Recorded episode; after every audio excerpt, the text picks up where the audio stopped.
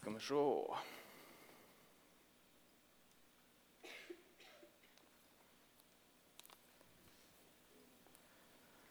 Ja, hva mer er det å si om meg sjøl?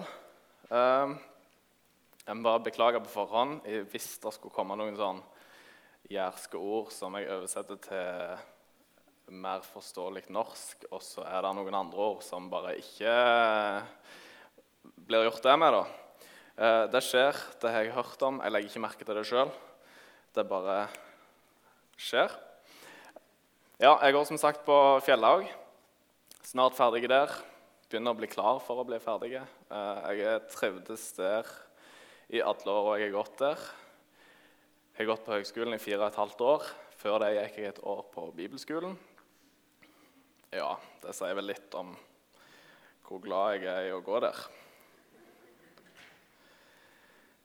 Jeg ble spurt for ganske lenge siden om jeg hadde lyst til å tale på et lørdagsmøte her. Eh, det var vel i Haust en gang.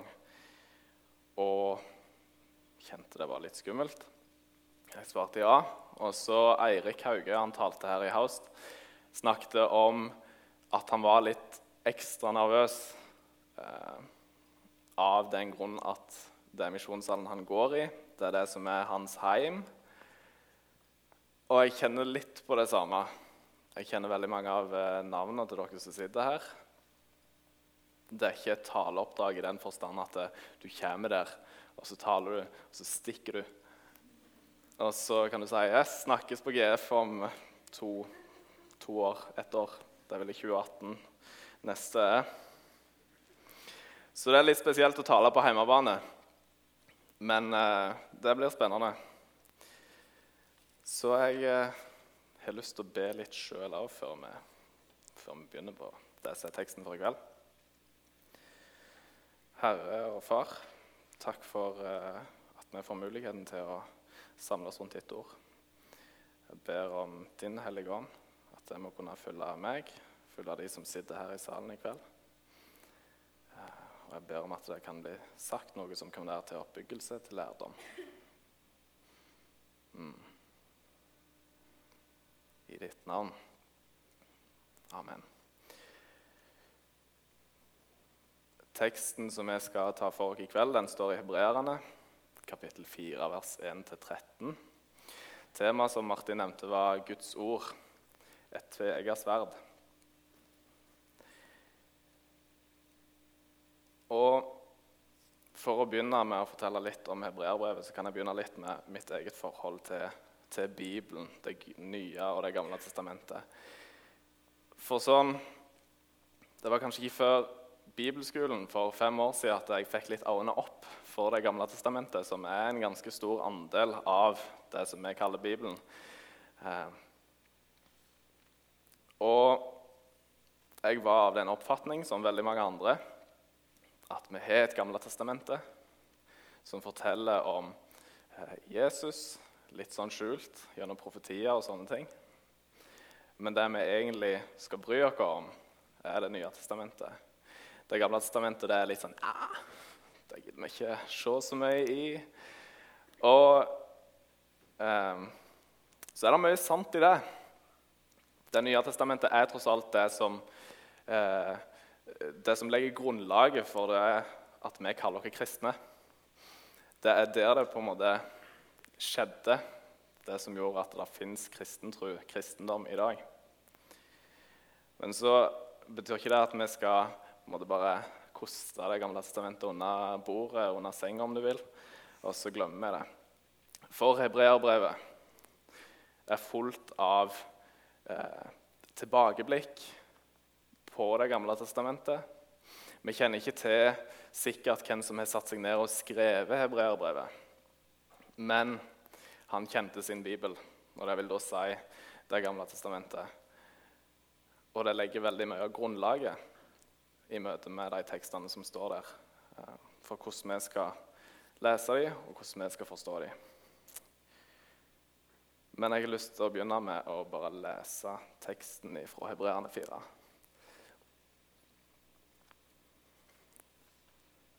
Ja, jeg har en litt annen oversettelse, men det går bra. La oss altså være på vakt, så det ikke skal vise seg at noen av dere blir liggende etter, siden løftet om å komme inn til Guds hvile fortsatt gjelder. For det gode budskapet er forkynt både for oss og for dem. Men ordet disse hørte, ble til ingen nytte, fordi de ikke ble ett i troen sammen med dem som hørte det. Og det er vi som tror, som går inn til hvilen. For han sa, så sverget jeg min vrede, aldri skal de komme inn til min hvile.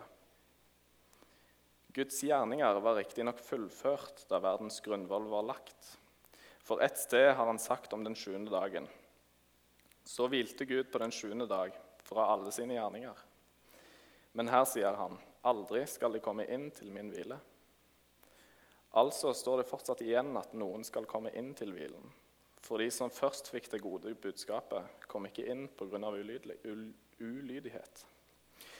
Derfor fastsetter han på nytt en dag, i dag, når han lang tid etter gjennom David sier dette som vi alt har nevnt.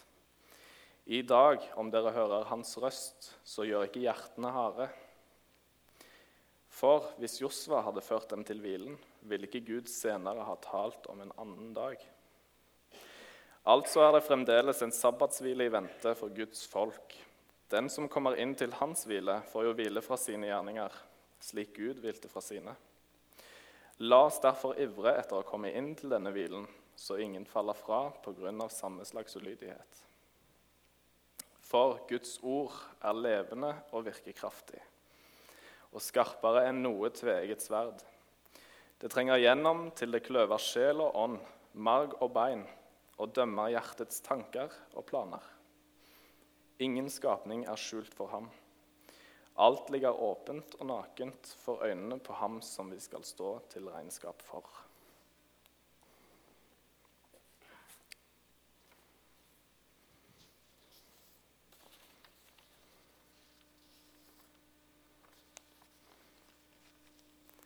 Teksten eh, forteller oss at Guds hvile den gjelder fortsatt. Og Guds hvile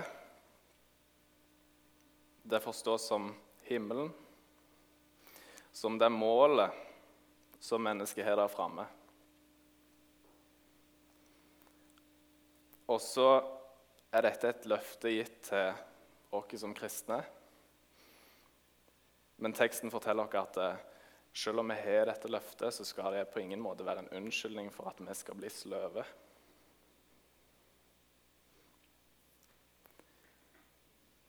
Teksten bygger tilbake på en historie fra Det gamle testamentet. Den forteller om, eh, om de som ikke fikk komme inn i denne hvilen. Og hvis vi ser i kapittel 3 i Hebreerbrevet, så ser vi at tråden den trekkes tilbake til Eh, andre Mosebok, til når Moses og israelsfolket gikk i ørkenen i Sinai. Dere kjenner kanskje til historien, en del av dere. Eh, men en ser i Gamle testamentet at Gud har valgt seg ut et folk. Det er israelsfolket. Og så forplikter han seg på, eh, på de. Han gir de regler å leve etter.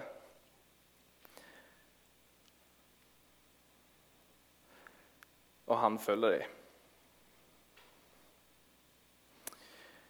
På den historien som eh, hebreerne refererer til, så har folket vært fanga, slaver, i Egypt. Moses, med Guds hjelp, førte folket ut av slavetilværelsen og inn i Sinai-ørkenen. Han skulle ta dem med seg tilbake der de kom ifra til det landet som ble kalt Kanan, eller Israel. Og så står det òg at det tok de 40 år å komme fram. Og den ørkenen den er ikke så stor, så de gikk jo omtrent i sirkler. Gud lot de til slutt komme inn i landet han hadde lovt dem, inn til målet. Inn til hvilen. Men så står det der at noen ble liggende etter.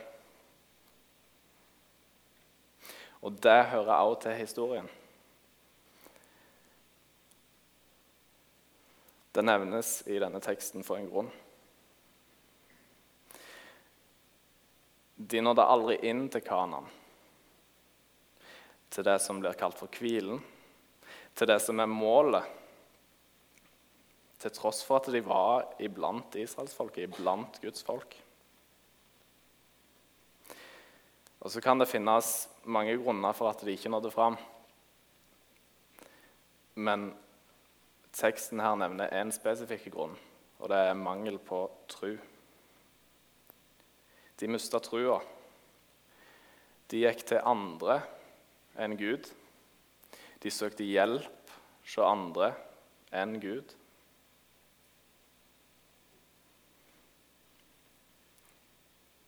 Og så ble de værende igjen i ørkenen når de andre fikk gå inn. Og Gud var den som lot de være der.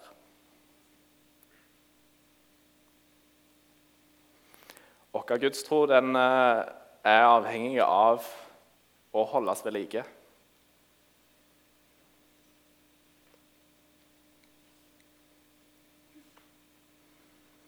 I Bibelen, når vi leser den, i bønn, om vi er alene, eller om vi er i fellesskap med andre bibelgrupper, eh, når vi er på møte en lørdagskveld, når vi er på møte en søndagsformiddag Det er samme hvilken dag.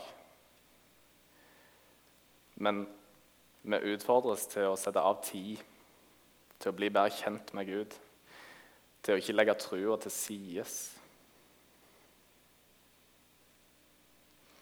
Og så har vi òg eksempel på folk i historien, kristne forbilder som har gått før oss, der vi ser at når alt på en måte faller vekk, som de hadde av materielle ting, av alt mulig, eh, så har vi de som, som virkelig setter trua som noe av det viktigste i deres liv. Og det tror jeg det er, selv om det ikke alltid føles sånn. Eh, selv om vi òg kan oppleve livet som en ørken. Kjedelig. Formløst.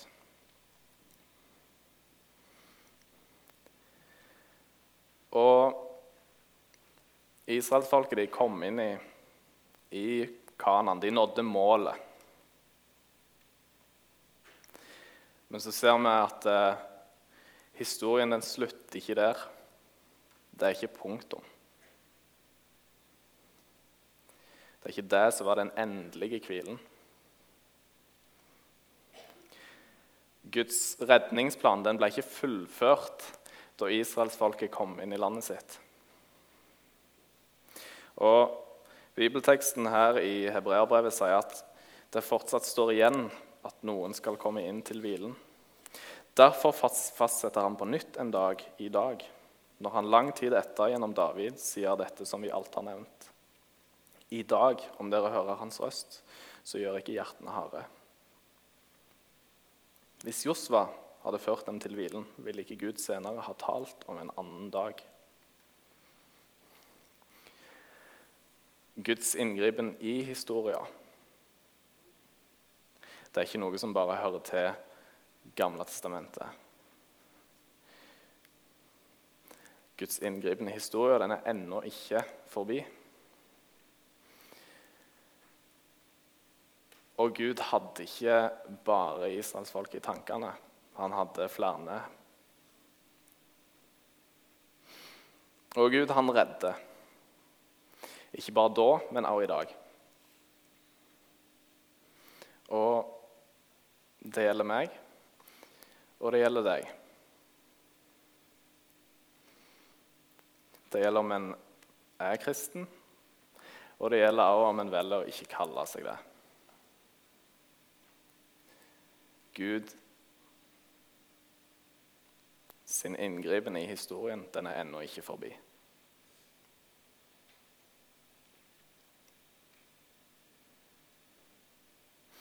Jeg har allerede nevnt at Gud hadde ikke bare israelsfolk i tankene på den tida.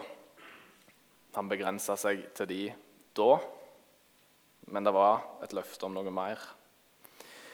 Når en leser historien om Abraham, og hvis en leser det leser enda tidligere, historien om Adam og Eva, så ser en at det ligger en forventning om noe mer.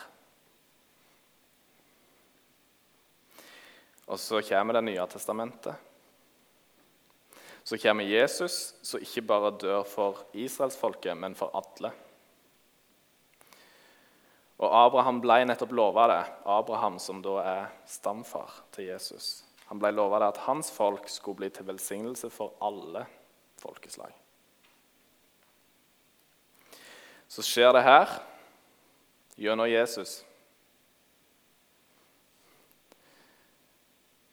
Og så er det ikke lenger bare israelsfolket som er på ei vandring. Vi er det alle. Fra en begynnelse til en slutt. Fra fødsel til død. Det er ikke noe vi kan velge å ikke forholde oss til. Livet det begynner, og livet tar slutt. Det er fakta.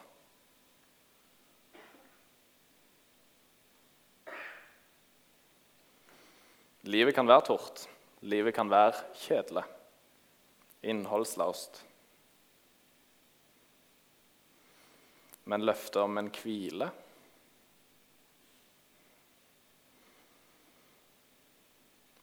Om en frelse, om en himmel Det ligger der framme framfor oss, hver enkelt. Det er like klart som det faktum at det fantes et Kanans land på den tida Israel gikk gjennom ørkenen, et mål der de skulle nå. Og så er det òg et faktum at blant alle som går ifra her til her i livet her på jorda, de vil ikke slippe inn. Dessverre. Og så kommer spørsmålet hvorfor. I vers 3 i vår tekst så står det, at det er vi som tror, som går inn til hvilen. Jeg tror stikkordet ligger nettopp her. Det er vi som tror. Det er her avgrensinga skjer blant alle de som lever livet sitt her på jorda. Hvilen, himmelen, den er begrensa til de som tror. Vi som har lagt vår tillit til Gud og til det han gjorde gjennom Jesus. Men det fins ennå tid. Vi har ennå ikke nådd målet. Punktet er ennå ikke satt. Tida, den er ennå ikke ute for den som ikke har vent seg til Gud. Tida, den er ennå ikke ute for den som sier han tror, men der trua ikke får konsekvenser for livet en lever.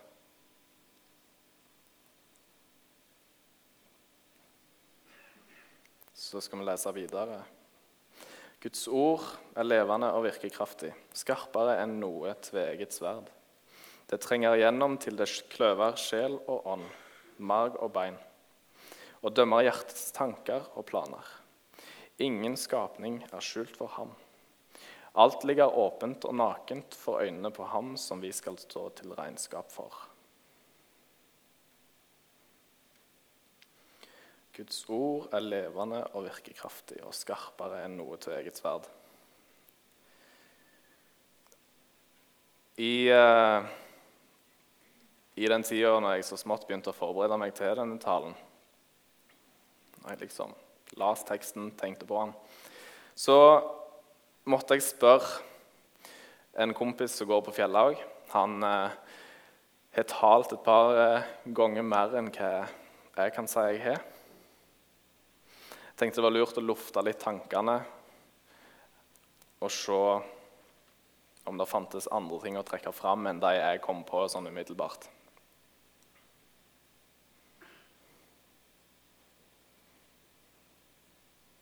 Så ser vi i teksten at Guds ord det kalles for et sverd. Et sverd, det vet vi, det er et våpen. Og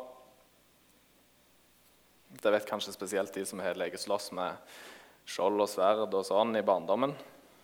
Spilt dataspill alle de snart 25 åra av, av, livet, skulle jeg si. Må innrømme jeg slapper av med det av og til. Eh, vi vet at et sverd brukes i krig, i krigføring. Og sverdet er ikke til pynt. Eh, kanskje det er det nå, når vi har fått bedre våpen. Japanerne har fortsatt samuraier, men de har sverdet som et symbol på det de var.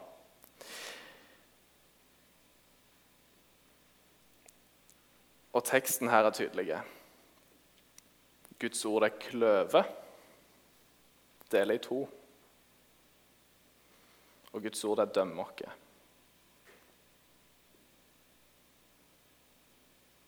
Når Gud holder dom, så er det alvor. Og teksten den er alvorlig. Det er en utfordrende tekst.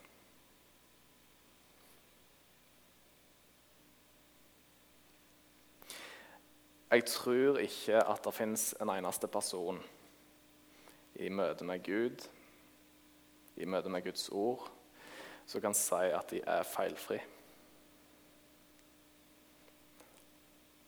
Jeg eh, har jobba noen år eh, som vikar på somrene og litt andre ferier innenfor, kriminalomsorgen. Eh, jobba som betjent i fengsel. Og I sommer så snakket jeg med en kollega i løpet av, eh, i løpet av et skift. Eh, vi kom inn på eh, rus, rusavhengighet. Eh, og han hadde hatt en del mer om det enn hva jeg kjente til og visste. Og så, i samtalen, så, så sier han det at eh, vi, Det løy det der, for vi mennesker er, vi er egentlig ganske sjøldestruktive. Det er akkurat som om vi er programmert eh, sånn. Vi vet bedre. Men eh, av en eller annen grunn så går vi, går vi til det som vi vet kan være dumt. Jeg tror, jeg tror det han sa, stemmer overens med det budskapet som Bibelen har. Eh, jeg har en overbevisning om at ikke alt er sånn det skal. Ikke alt er opprinnelig sånn det burde være. Det gikk galt.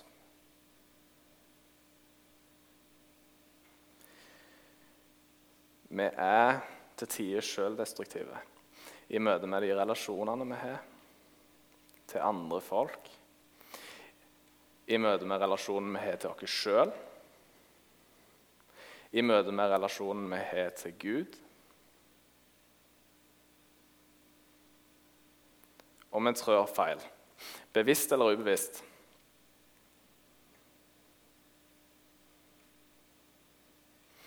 Og i møte med teksten her, i møte med Guds ord, så dømmes vi. Vi får høre det at dette er ikke rett. Men så har vi allikevel gjort det, og vi må ta ansvaret for det. Sverdet slår i hæl, og hvem går klar? Ingen. Guds ord er levende og virker kraftig i form av at det skaper og i form av at det dømmer.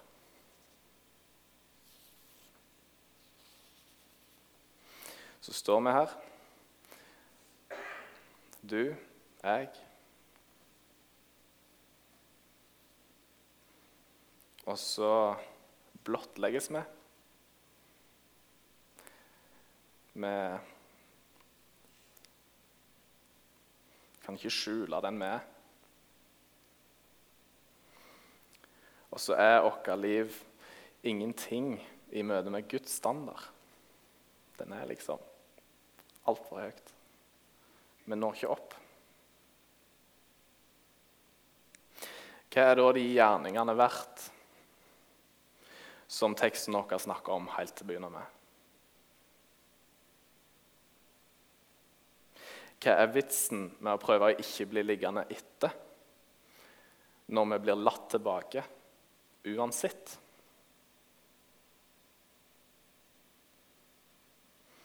Hvordan pleier en et gudsforhold som uansett går dunken?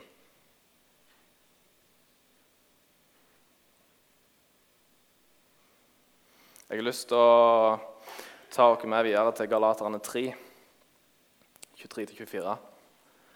Jeg vet ikke om du har teksten oppe. Hvis ikke, så kan jeg finne den. Men før troen kom, ble vi holdt i varetekt under loven, innestengt inntil den tro som skulle komme, ble åpenbaret. Slik er loven blitt vår tuktemester til Kristus, for at vi skulle bli rettferdiggjort av tro. Verset her snakker om loven som holdt mennesket i sin varetekt før Jesus ble gitt dere. Før den troa som skulle komme, ble åpenbart. Loven er de reglene, de avgrensningene som Gud satte for mennesker. Eh, loven betegnes som tuktmester, i uh, min oversettelse så står det 'vokter'. Ordet kan visstnok også oversettes til 'pedagog'.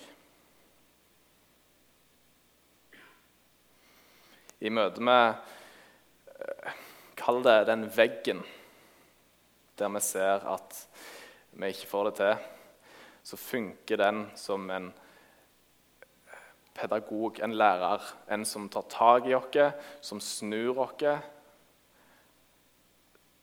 den veien vi må se. Eh,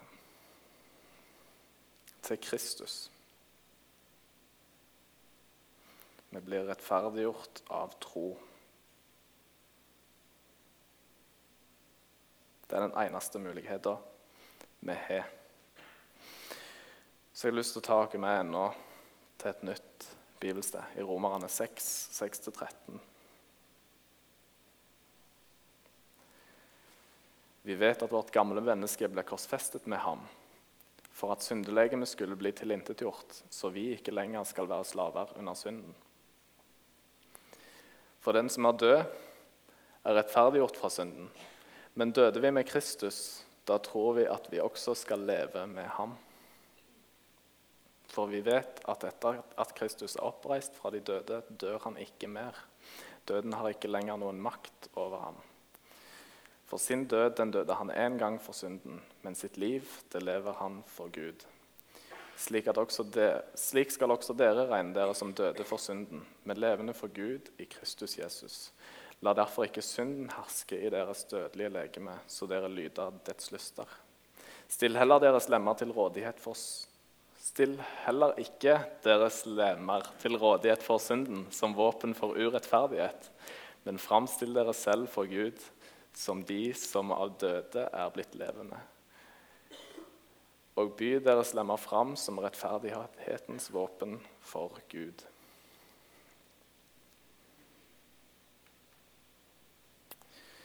Det snakkes her om å bli korsfesta med Kristus. Det er her en død, på samme måte som det er i hebreerteksten som vi las.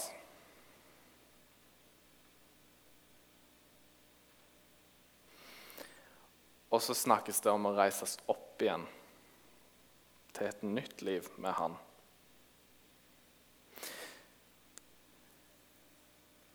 Så har vi som sagt ikke noe å komme med av det vi sjøl har gjort i møte med Gud.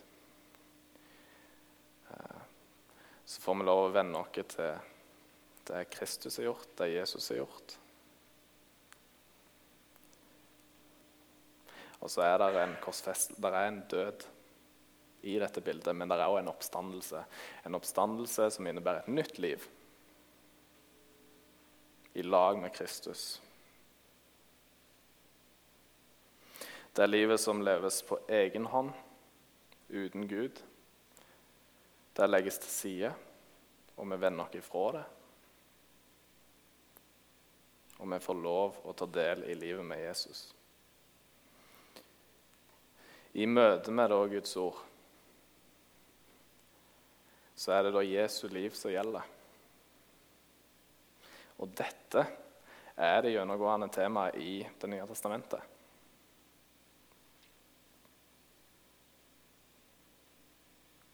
Vår tekst i vers 13 der, så slutter det med sverdet. Men så kommer det noen vers etterpå der, før eh, en begynner på, begynner på kapittel 5, som snakker om Jesus som ypperste prest. Igjen en betegnelse henta fra Det gamle testamentet. Ypperste presten som gikk i folket sitt sted, inn i tempelet og sto der på folkets vegne overfor Gud.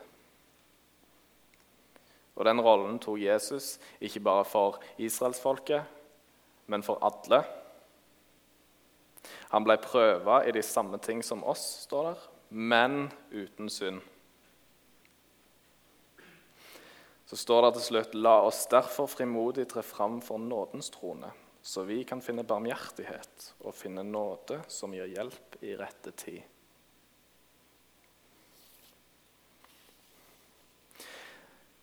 Vår tekst slutter da i prinsippet ikke med sverdet, selv om det gjorde det i den teksten som var nå etter kveld. Og utfordringa står der. Ikke la det stoppe med sverdet. Ikke la det stoppe med at Gud dømmer, for det går ikke bra. Og så har Bibelen gitt dere ei hånd gjennom Jesus, gjennom det han har gjort. Og som kristen så får vi lov til å ta tak i den, og så løftes vi opp. Jeg har skrevet 'halleluja' i notatet mitt. Yeah.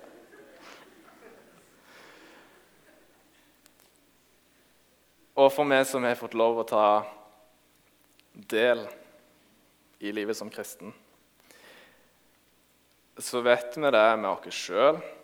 Vi vet det ifra folk rundt dere, familie, venner, at livet det går opp og ned. Det leves ikke alltid som det skal, sjøl som kristne. Det tror jeg dere òg kjenner på. Iallfall jeg. Og så kan ting òg føles bare enkelt og greit kjedelig. Hvor er, hvor er Gud? Eh, hva gjør han i dag?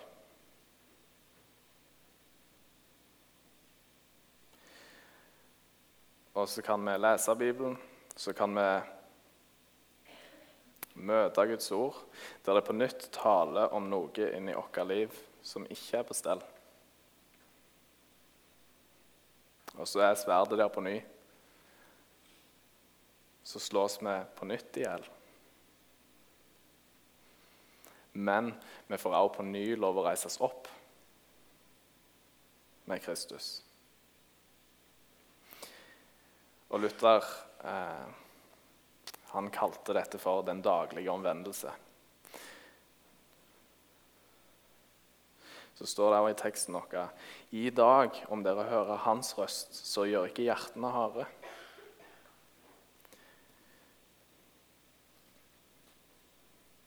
I vår tid så er det veldig mange ting som sier til oss La ikke noen andre snakke inn i ditt liv. La ikke noen andre si at det er feil og det er rett. Lev akkurat som du vil.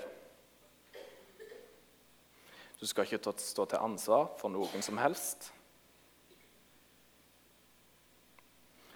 Men i møte med Bibelen og i møte med Gud så ser vi at det er blank løgn.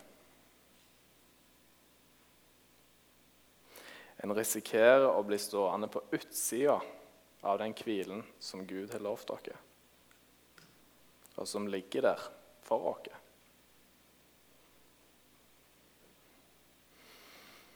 Tvert imot, når vi hører Guds ord inn i vårt liv, så skal vi ikke gjøre hjertene harde. Når han peker på noe som ikke er rett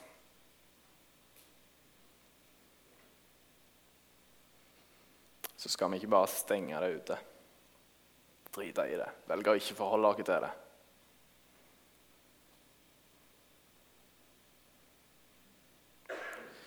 Og Hvis vi ikke gjør hjertet noe harde, så er det Guds ord på ny som virker i oss til fornyelse. Og vi får starte på nytt med blanke ark. Vi får be om tilgivelse. Og vi får lov til å bli mer og mer lik Kristus. Han er jo tross alt vårt største og vårt beste forbilde. Og en dag så skal vi få lov å legge av oss alt, både det vi har gjort galt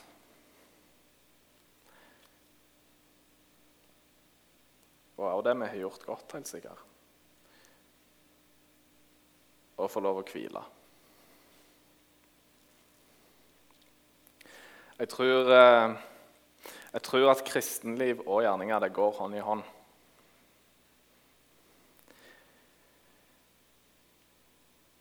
Og det har å gjøre med at eh, Guds ord det betegnes som levende, som virker kraftig.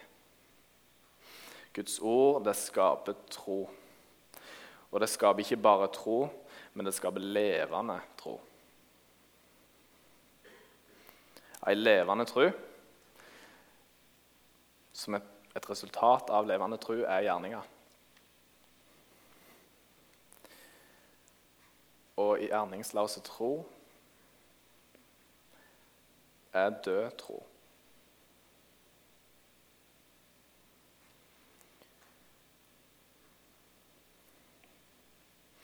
Så vi må ikke forveksle eh, gjerninger inn i det at eh, vi skal gjøre så og så mye for å fortjene å være kristne. Det er ikke det det handler om. Eh, men det kommer som et resultat av den levende tro som Guds ord og Gud får lov å legge i hvert enkelt menneske. Så sier jeg ikke dette heller for å tvinge på noen eh, som kaller seg en kristen, et visst antall gode gjerninger eller lignende. Det er ikke dette det handler om. Men som teksten fra Romerbrevet sa på slutten der, så skal vi stille oss i tjeneste for Gud. Guds ord skal virke til fornyelse, til gjenfødelse. Ikke bare den ene gangen vi tok imot, men gjennom et helt liv.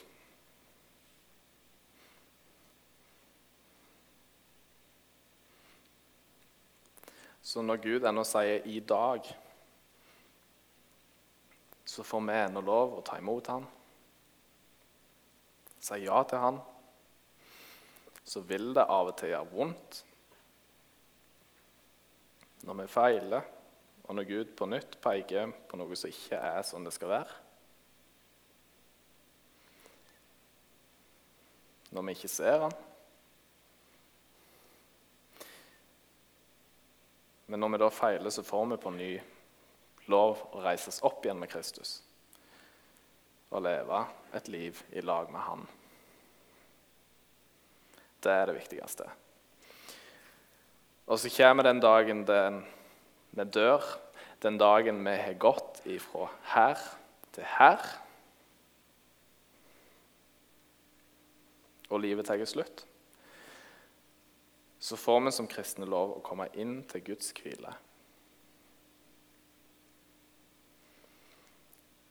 Og så er ikke det bare et forbilde på noe som skal skje senere, litt sånn som så, eh, israelsfolket i ørkenen var. Her settes det et punktum. Dette er endelig.